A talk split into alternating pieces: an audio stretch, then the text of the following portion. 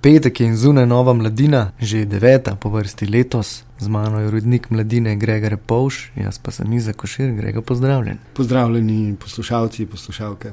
Pisal si naslovno temo in sicer o cerkvenem priznanju. Vse skupaj se je začelo tako, da je inicijativa dovolj je zbrala pogum in dejansko želi počistiti med svojimi vrstami. Povej, kako, zakaj in kaj to sploh pomeni. Kot vemo, je pedofilija v katoliški cerkvi eden ključnih problemov, s katerim se ne sooča samo cerkev, ampak je to tudi problem, ki obremenjuje zahodne države v državah, ki pa so v razvoju oziroma nerazvite, pa o tem problemu sploh še ne govorijo. Dejstvo je, da so se spremembe v cerkvi in urejanje in sploh debata, resna debata o tem začela v vseh državah, šele potem, ko so se v to vključili tudi verniki in duhovniki. In pretekli teden se je ta premik zgodil tudi v Sloveniji, ko je nastala iz zelo dvomljive organizacije Iskrini.net, nastala pobuda, inicijativa Dovolj.je, ki je uh, nastopila v imenu vernikov in tudi duhovnikov. Zoper uh, samo problematiko pedofilije na eni strani, in drugih,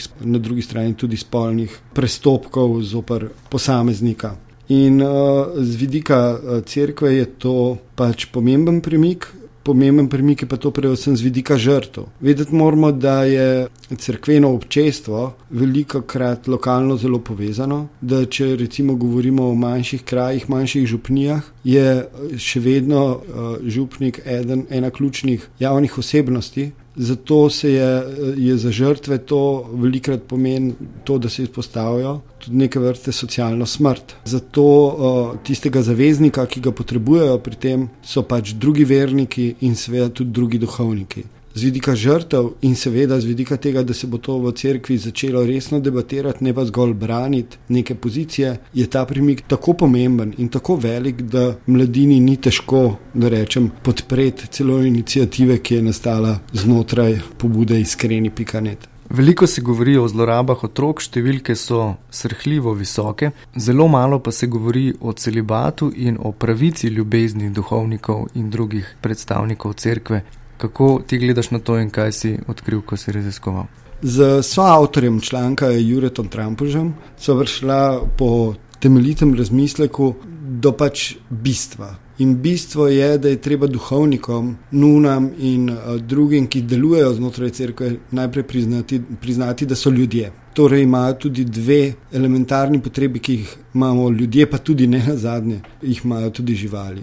Ena je seveda potreba po spolnosti ki jim je prepovedana, zapovedana jim je vzdržnost, zaradi tega se pojavlja veliko trpljenja znotraj te inštitucije, ker je to tako nenaravno, da posledica so lahko samo travme in težke situacije. Ampak spolnost je eno, še bolj pomembna pa je seveda ljubezen. In vsi vemo, poznamo primere in kdorkoli je kakorkoli bil kadarkoli vključen v neko crkveno občestvo, pozna zgodbe o velikih ljubeznih ljubeznih med duhovniki, ljubezni med vernicami, ki so spoznali duhovnike. To so ljubezni, ki trajajo 20-30 let, za katere vsi vemo, ne samo po celi Sloveniji, po celem svetu so. Te ljubezni so na pol skrite poznajo jih pač župnije, poznajo jih nadrejeni. Ne. Dejstvo je, da ta problem crkva ne bo uredila, dokler ne bo dala tem ljudem pravice do ljubezni, do uh, ljubezni v tem elementarnem smislu, do partnerstva, do ne nazadnje tega, da imajo zakonite, da rečemo, otroke, čeprav to ni neka kategorija, ampak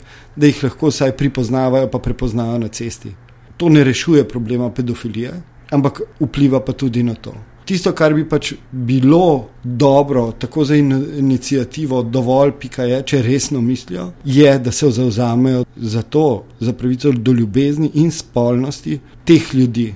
Se pravi, ljudi, ki služijo cerkvi, ki so predani Bogu. Mislim, da vsak vernik lahko argumentira, zakaj njegov župnik ne bo zato nič manj imel rad in ljubil Boga. Pa meniš, da bo ta inicijativa dovolj močna in dovolj odmevna, da ji bo prisluhnil tudi vrh RKC? Mislim, da ta inicijativa najprej potrebuje podporo javnosti in da potrebuje podporo vernikov drugih. Se pravi, mislim, da morajo biti dovolj napredni, seveda pa so to za vrh cerkve tako, tako velike teme in tako, tako umik iz obdobja, v katerem so, čeprav so pod hudo, hudim stresom, prav zaradi teh res grozljivih primerov nadlegovanja otrok. Ampak mislim, da bi tle na koncu, če kdo, morala prav crkva biti tista, ki bi morala pač duhovniki, sami, sami ljudje crkve, reči: Ja, imamo pravico do ljubezni in imamo pravico do spolnosti. To ni stvar, ki jo je zapovedala Biblija, to ni stvar, ki jo je zapovedal Kristus, to je stvar, ki smo si jo izmislili sami.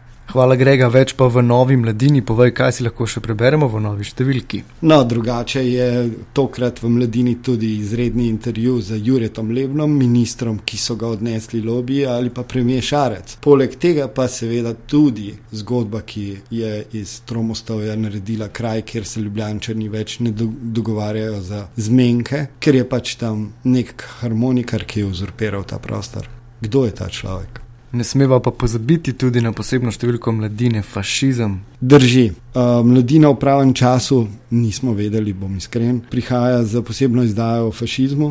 Torej, kaj sploh fašizem je, kako je nastal in kako ga prepoznati v današnjem času. Fašizem ni nekaj, kar je iz preteklosti, fašizem je nekaj, kar je v nas in s čimer se velja boriti. Hvala, Grega, in lep vikend. Hvala, Izak.